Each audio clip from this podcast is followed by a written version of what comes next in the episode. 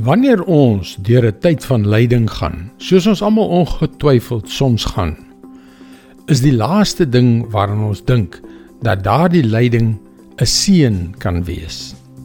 Dit kan tog nie reg wees nie. Wie sal ooit die twee woorde, lyding en seën, in dieselfde asem gebruik? Hallo, ek is Jockey Gouchee vir Bernie Diamond en welkom weer by Vars. Wanneer ons oor die toekoms droom, droom ons altyd oor goeie dinge, oor seëninge. Nie een van ons sit ooit daar en hoop en bid vir 'n tyd van lyding nie. Nee, ons vermy lyding soos die pes. En omdat nie een van ons ooit wil ly nie, is dit gerieflik om die verband tussen seën en lyding heeltemal uit ons gedagtes te verban. Die apostel Paulus was 'n man wat beslis gewoond was aan beide seën en lyding. Kyk wat sê hy in Filippense 1 vers 29 en 30. God het julle die voorreg gegee om Christus te dien. Nie alleen deur in hom te glo nie, maar ook deur vir hom te ly. Julle en ek het dieselfde stryd wat julle my vroeër al sien stry het en waarvan julle hoor dat ek nou nog stry.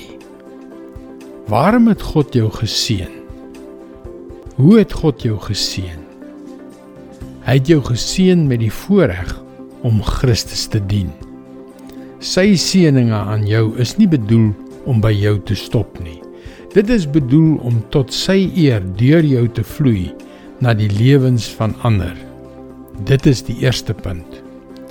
Punt nommer 2 is dat daar saam met daardie seëninge wat deur jou vloei, die eer om vir Christus te ly bykom.